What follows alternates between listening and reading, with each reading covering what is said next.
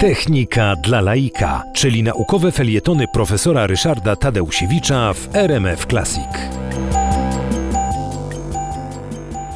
Karol Olszewski był również, y, podobnie jak omówiony wcześniej Zygmunt Wróblewski, był profesorem Uniwersytetu Jagiellońskiego, fizykiem. Przyczynił się do skroplenia y, powietrza, to znaczy uczestniczył w tym doświadczeniu, y, które omawiałem przy Zygmuncie Wróblewskim, że skroplono najpierw tlen, potem azot. No a Olszewski poszedł dalej.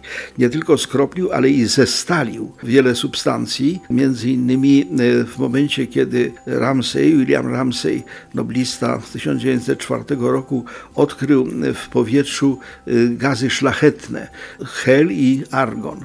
Hel to głównie przy promieniotwórczych złożach uranu, natomiast y, argon jest składnikiem powietrza. Y, Były to gazy szlachetne, to znaczy takie substancje, które nie wchodzą w żadne reakcje chemiczne pod żadnym pozorem.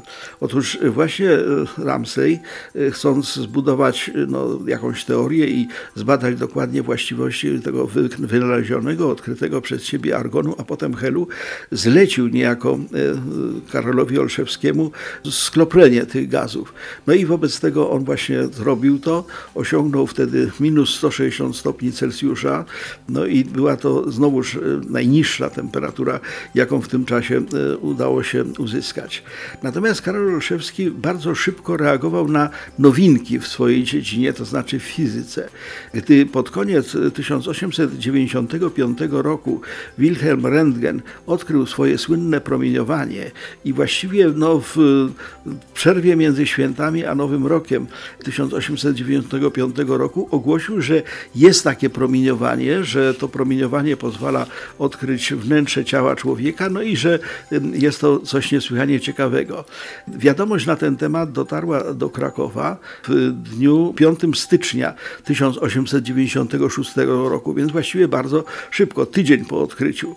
Y, I w tym momencie właśnie Karol Olszewski wraz z Tadeuszem Estreicherem zbudowali pierwszy w Polsce, jeden z pierwszych na świecie aparatów rentgenowskich, to znaczy zaczęli tak samo jak Wilhelm Röntgen wytwarzać to niewidoczne promieniowanie. Pierwsze zdjęcie rentgenowskie to było takie zdjęcie metalowej jaszczurki, ale już następne zdjęcia rentgenowskie były z dłoni Estreichera, czyli właśnie pierwsze prześwietlenia były tu w Krakowie, pierwsze na świecie. Był to ogromny postęp. Co więcej, Karol Olszewski był tym człowiekiem, który w lutym e, 1896 roku, a więc niespełna dwa miesiące po odkryciu, na prośbę chirurga Alfreda Obalińskiego zrobił zdjęcie, pierwsze zdjęcie rentgenowskie wykorzystane w e, ortopedii, w tym przypadku w chirurgii.